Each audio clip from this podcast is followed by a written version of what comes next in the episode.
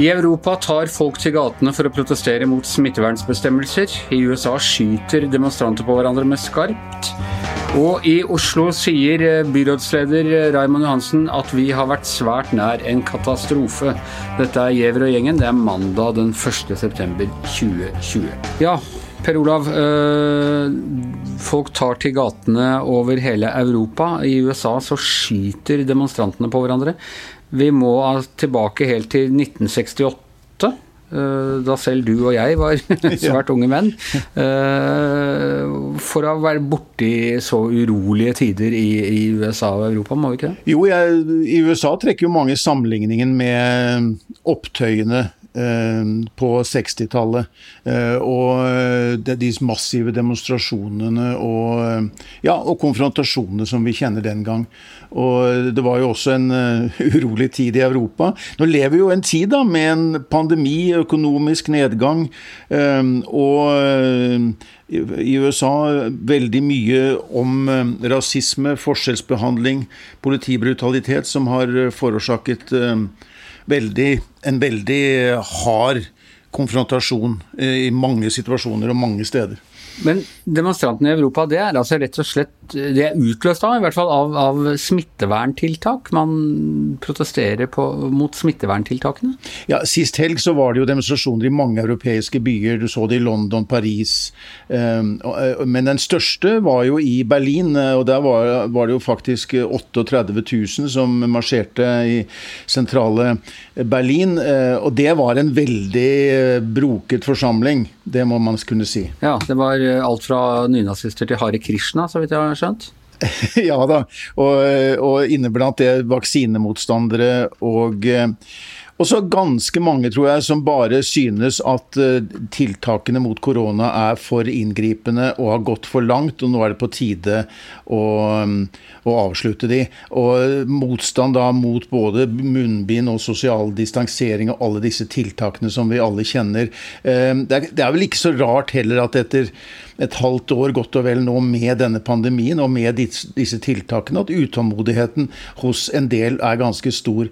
De fleste som marsjerte i Berlin, var jo ikke nynazister, men de fikk jo de høyreradikale fikk jo Eh, stor oppmerksomhet fordi de forsøkte å storme forbundsdagen. Eh, og denne riksdagsbygningen i Berlin den har jo, som vi vet, en stor historisk betydning. Altså, De prøvde rett og slett å heise keiserflagget Altså, flagget til keiser Wilhelm, som da var eh, hva skal vi si, forløperen til Hitler ja, Det blir ikke helt eh, historisk korrekt, det, men altså den sterke mannen i Tyskland uh, før første verdenskrig.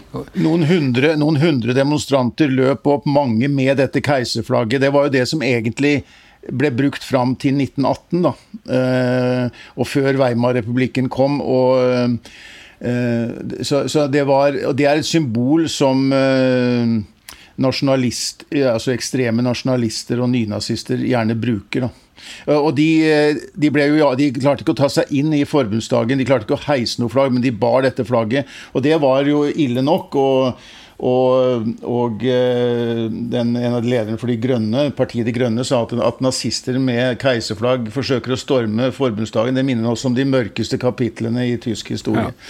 Man kan jo også tenke på, på Riksdagen som da brant Eh, etter at Hitler var kommet til makten. og var, Han brukte det som unnskyldning for å sette i gang de, de store, første store utrenskningene og, og forfølgelsen av politiske eh, motstandere. Så.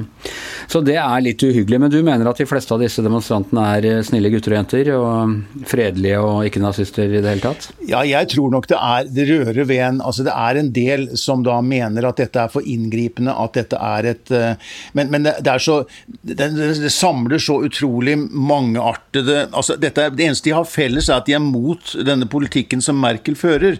Og de hevder på en måte å representere folket, men det gjør de på ingen måte. Altså det, det ble nettopp tatt opp en meningsmåling som, som ble um, publisert av CDF, det fjernsynsselskapet, som viste at uh, kun 10% av tyskerne som ble spurt da i målingen, sa at tiltakene er for strenge. Det var bred oppslutning om den, uh, og mange, 77 uh, mener at de må etterleves bedre, eller endog styrkes, de tiltakene som myndighetene har innført. Og, er, og, og Merkel har noen av de høyeste popularitetsmålingene hun har hatt som, som kansler.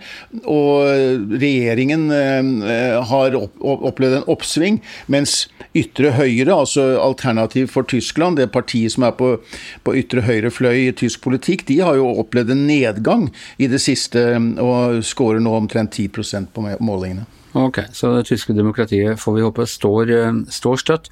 I USA så er det enda mer dramatisk. Det har altså vært skyting i Portland, hvor en av eh, disse litt uh, halvmilitæreaktige demonstrantene som demonstrerer til fordel for Trump, ble skutt og drept av en uh, gjerningsmann man vel ikke helt har identifisert ennå.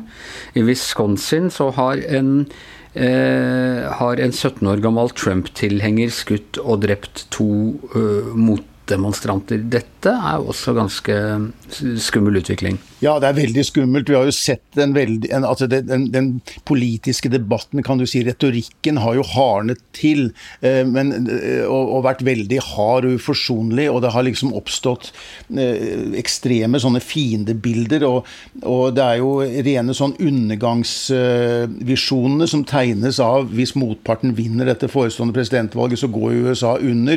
Det er jo på en måte noe begge sider argumenterer for.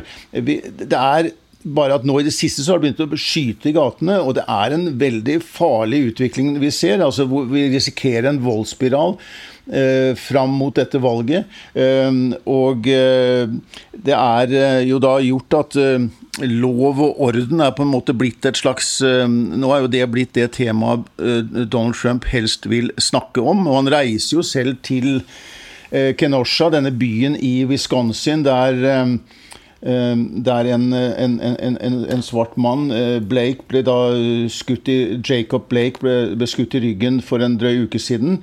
Eh, ble lammet etter dette. Og så Senere ble det demonstrasjoner, og i forbindelse med det så er det jo at denne unge 17-åringen som du nevnte, er blitt siktet for, for to drap. Eh, nå skal, nå skal um, Trump dit, uten å snakke med Blake eller familien.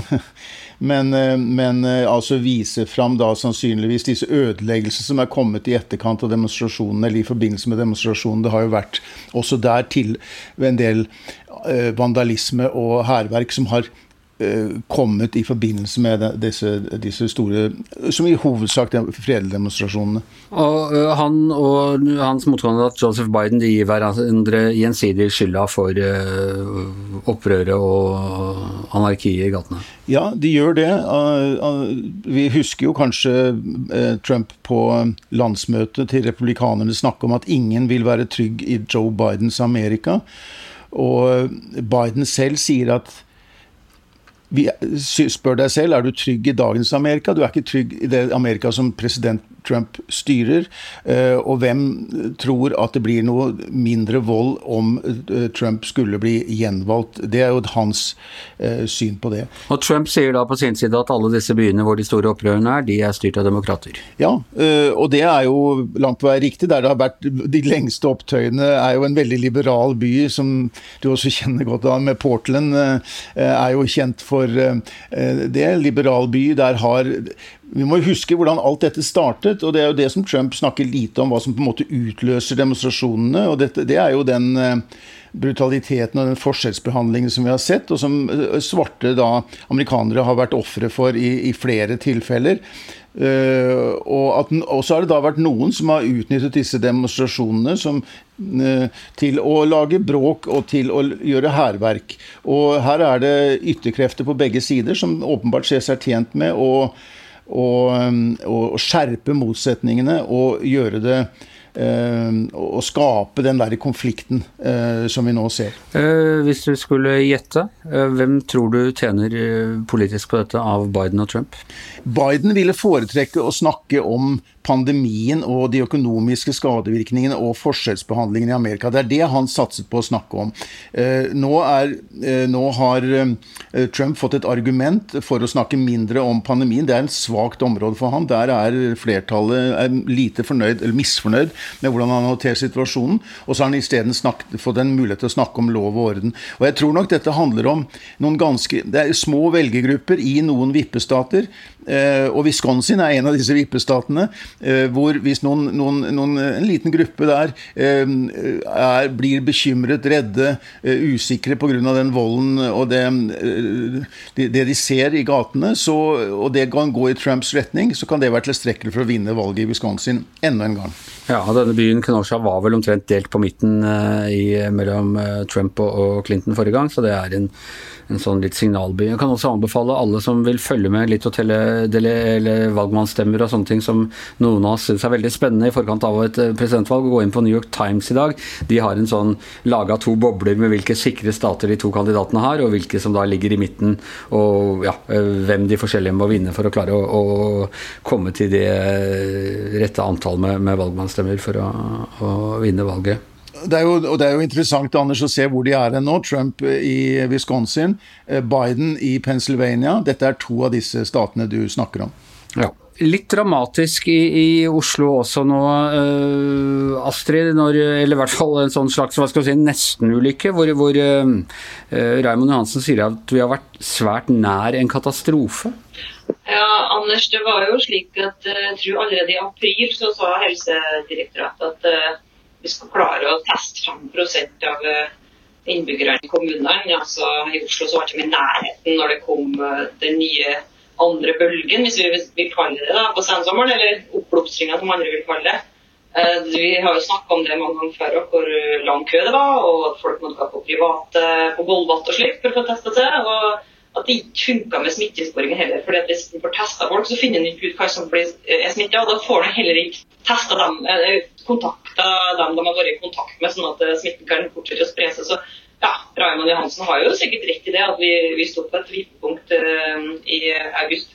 Men uh, 35 000 skal de klare å teste nå første tiden. Er det, uh, er det nok? Ja, det er det som myndighetene har sagt, at de må klare 5 av befolkninga.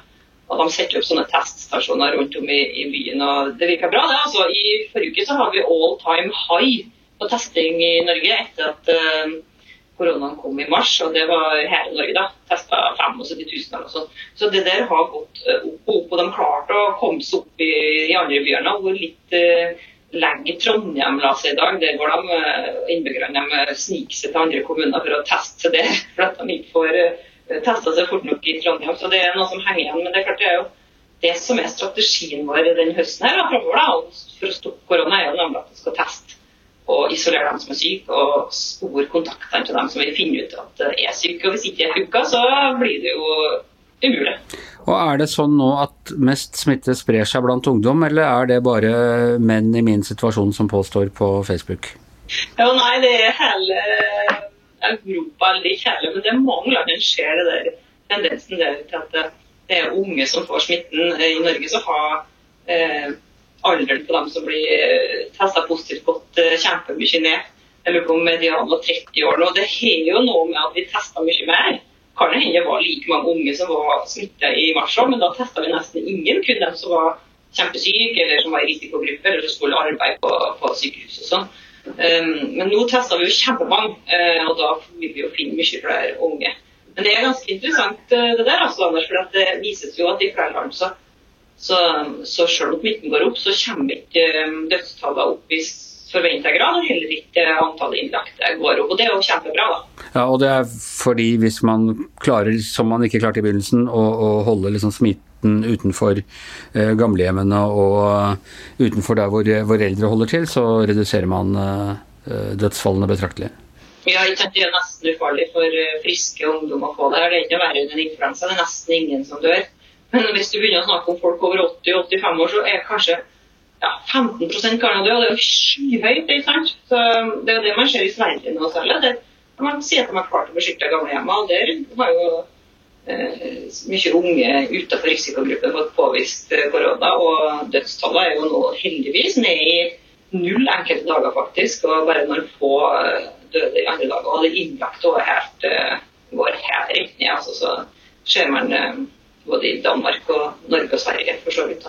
Andre veien. Du har hørt på pressekonferanse med Anders Tengell, vår befriere, eh, i dag. Hva hadde han å si til godt? Ja, Tegnil, vår jo fra Astrid Lindgren, det, Anders. Det er han Odde. Ja, det. ja jeg, var litt, jeg var litt ufin der. Ja, han slemme. Han slemme, han slemme, slemme i, i uh, Brødrene Løvehjerte. Eh, Anders Tegnell han er blitt kjendis. Det er ingen andre enn Tegnell de vil snakke med bort Sverige. Hver eneste pressekonferanse så står det noen fra noen sosialstyrelse. Det er ingen som bryr seg om dem. Det er bare Tegnell. Og han ble spurt i dag om uh, høstoppblomstring, eller høstvågen, eller høstbølgen. Altså, når redd for det han snakka om i lang tid, at det kommer til å bli mer, større, på høsten fordi vi møtes mer innendørs, og det er mer kollektivtrafikk, det er mer skole, mer omgang, jobb. Men nå i dag så sa han at han tror ikke at det kommer en ny våg. Han for så vidt kanskje ment lenge, men han tror at det blir lokale oppblomstringer, og at de skal ha forskjellige tiltak rundt om i Sverige. Og nå virker det som de begynner å nærme seg bort nivå på en måte, at de har såpass lite smitte etter hvert de kan begynne å spore dem som er smitta, spore kontaktene deres, isolere dem som har smitte, sånn som vi har gjort i Norge lenge. for vi har så mye mindre smitte. Det har vært sjanseløst i Sverige. ikke sant? Det er jo umulig å finne ut det er så mye smitte. Men nå ser det ut som de skal begynne med det rundt om i hele Sverige og prøve å stoppe og slå ned sånne oppblomstringer. Så da vil det jo bety at vi har en ganske lik strategi da, hvis de begynner med det. Har de noen som helst glede av flokkimmunitet i Sverige, eller hva er det? har man slutta å snakke om det? Nei, jeg tror kanskje de har glede av en viss andel immune. Jeg vet ikke om det kan kalles flokkimmunitet, da, for det er jo langt igjen til det blir så mye smitte som har hatt immunitet at ikke, at ikke stopper. Kanskje opp i 70-80 eller mer. Men eh, de sier jo det at de tror kanskje 20-30-40 har hatt smitten i, i storbyområdet. Stockholm. Eh, det, da kan det hende at det, tar ned tempoet litt på smittespredninga. fordi hvis eh, viruset møter en hel haug som allerede har hatt det, så stopper det opp. Så det blir akkurat som å ha et tiltak, da, sånn som i Norge. Vi må ha et tiltak, vi er ingen immune nesten ja, mer munnbind eller mer sosial distanse eller mer noe annet da, for å få stoppa smitten. Mens det kan hende det hjelper litt Sverige. Men på den annen side det har kommet mye rapporter de siste dagene om at folk har fått reinfeksjon. Da, så det er jo usikkert alt sammen. Vi er et uh, nesten trekvart år inne i uh, pandemien, og vi vet fremdeles altfor lite om den. Eh, men det var det fra Giæver og gjengen i dag. I hvert timestudio Per Olav Ødegaard, Astrid Mæland, jeg heter Anne Skjever, og mannen som sørger for at vi sitter her frie for smitte, det heter Magne Antonsen og er produsent. Vi høres igjen i morgen.